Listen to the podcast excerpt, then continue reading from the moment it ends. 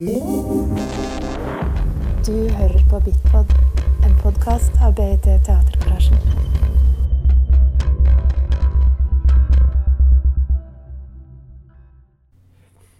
Okay, so um, welcome to a, a, a Bitpod.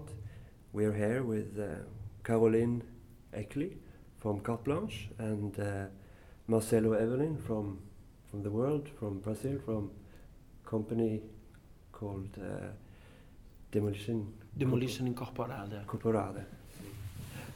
And um, and you are here uh, working uh, with a new piece. It haven't even haven't got a title yet, but it has a nice image of Medusa with snakes in her hair.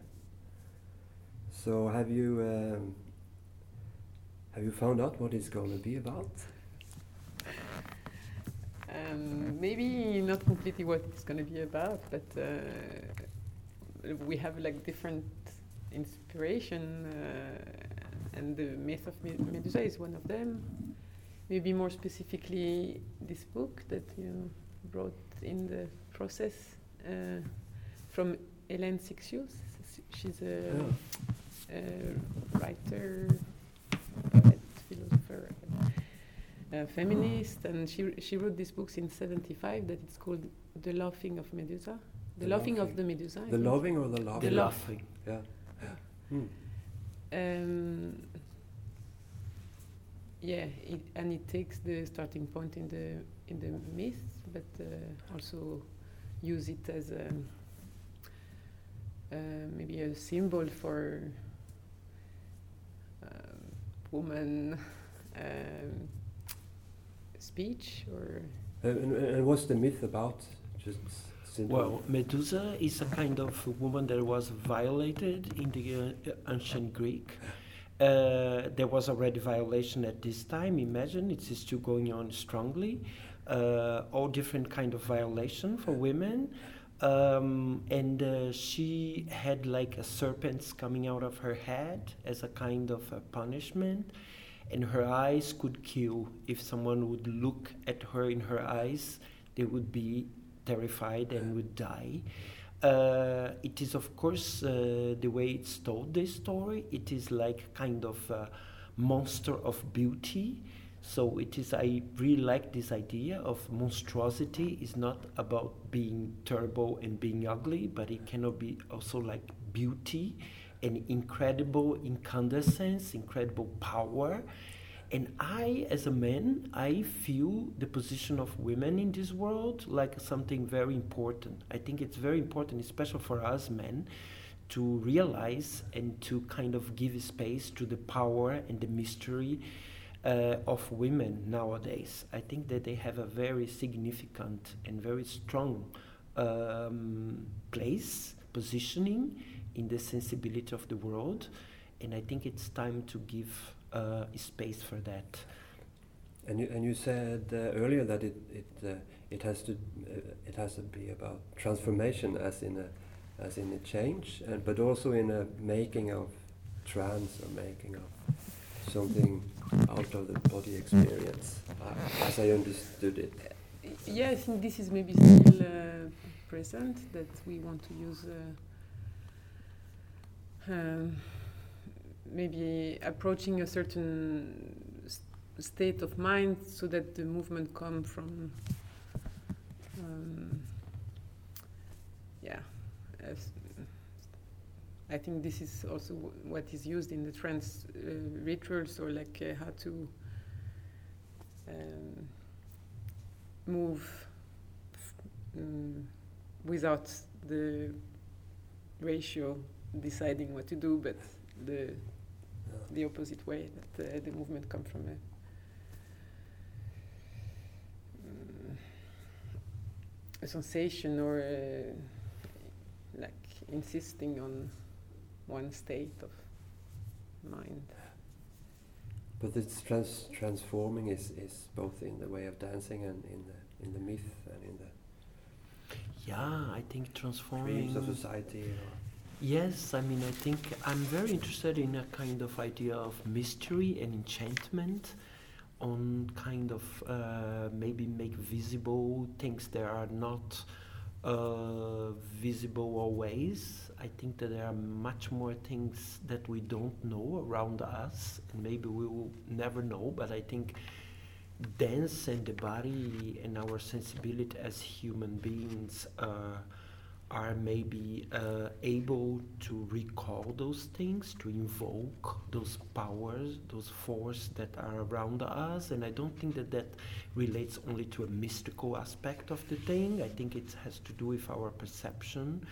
So I'm very, I'm very interested in magic somehow and magic that also can be uh, ordinary, uh, everyday magic. The possibilities we have to kind of make connections with other kind of worlds, other kind of uh, realities. That it's not only the one we can grasp, that we can touch. Now, I think in a way the world is being bit like uh, just uh, this capitalist uh, world. It's just about production. It's about making money. It's about competition. Who's going to be the strong? And you see how bad the world is now. I mean, the world is really being destroyed in many different sense, not only the ecological sense, but also in the politics. Uh, what is going on with some people in the world? I mean, Norway. It's a little bit. Uh, very stable very and controlled and protected country, but uh, outside here, it's a lot of terrible things going on. And uh, I think it's important to open up uh, for these other voices or other dimensions that are going on. And I think women, it's actually, they are much more sensitive to catch, to invoke those forces. So I think it, it is transformation in that sense. I do believe that the body is always transforming and that dance is a strong way to bring this sense of transformation to the world. Maybe transformation is also we are human or we are alive because we are transforming. Uh, yeah, when you stop yeah. the transformation, then it's dead. So it's also to kind of maybe just use this image of like uh, maybe the a slow transformation or like uh, to take the time to witness that things are not yeah, fixed. Yeah. Or, yeah. But speaking of, uh, of like, how, how is like uh, or reaching a mystery by through dance, then it's a very different experience uh, uh, from the dancer and the, the audience, I would say. Um, like speaking of the Greek, uh, where where they had they, they had the mystery rites, where everybody took part and and really had uh, out of body experiences. I would say. I have the feeling that uh, we are now moving to a moment that the audience. Uh, are seeking more a kind of participation in the experience. I think uh, it is going to finish the moment that the audience is only a kind of witness sitting on a chair just to receive something, just to consume something. I think we are going to go back to the old times or the Greek or the Indians from Brazil or the kind of nomads from Mongolia or whatever that dance it's part of the life of people. It's a way to celebrate, it's a way to be part of a kind of big mystery which is life. And I really do believe that we artists, contemporary artists, working in this world now, it is important that to think about this level of participation in the audience. So I don't think dance is anymore about giving a message or teach someone something or coming with something incredible that you can analyze and criticize. I think people are seeking for to mix themselves up with those feelings, with those physicality. I think like we need to meet each other. I think the audience also come to the theater to feel something that maybe they don't even know what it is and to be part of something, to belong to a kind of feeling of kind of dimension. So I think we are like in a way when I say we like many artists in the world and the world in itself, it's like seeking for this break this uh, barrier that there is between the artist and the spectator, the ones who do and the ones who criticize. for me, it's very important that we kind of look for a kind of horizontality when we think about making a piece or proposing a performance to the audience, because I really believe that the people are seeking for, for a way to belong to that. Mm. How, how did you meet? Uh, Marcelo came to, to make a piece for Carte Blanche uh, Yeah. in 2016. Mhm. Yeah, it was a double bill. Uh, like uh, the first piece was from Mia Habib, and we had six weeks together, or yeah, short time. But uh, I, for me, it was a um, very strong experience. Also, uh, quite a ideal balance between. Uh, getting information. I think Marcelo came with uh, ideas and text and his life uh, backpack and Yeah. shared it with us, Yeah. and but was also open and ready to m- meet us as dancers and how we can maybe transform ideas into physicality. And I felt we were doing something together, or there was not like a, uh, one side of Yeah, that was uh, yes. stronger, or like the, the I- didn't felt like the peace was already existing before we m- met in a way, and and this is always a very good uh, feeling when you that you feel you own the or you have a sense of ownership because you you make the thing together and you eventually don't know uh, where it's going when you start the process. Uh, I don't know. Maybe you have a different experience. Maybe you already had a lot of ideas when you came, but uh, this was my, my experience, and uh, and I think it's it's not always easy to find this uh, this feeling because we have uh, always very short production time, and you need to deliver a product, and how to stay, yeah, in this op- open meeting. Uh, it's it's not always uh, easy or Yeah, for me was uh, when I was invited by Carte Blanche, uh, was Hooman Sharifi this time that was the director here. I have never been in Norway. For me, was a completely new experience, and I met this uh, company with great dancers. And actually, Caroline was one of the dancers that really caught my attention from the beginning.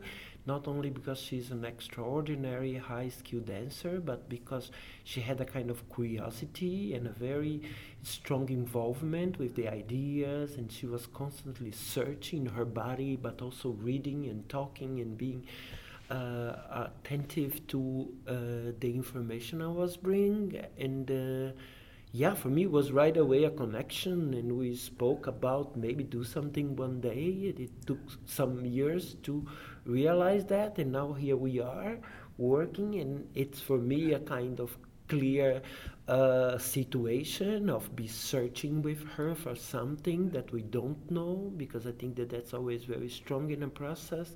For me, it's not too much about like find right away the solutions and go right away in the form, but really to be able to kind of turn around things and try to allow things that we don't know to take form. And this always takes time and a lot of dedication.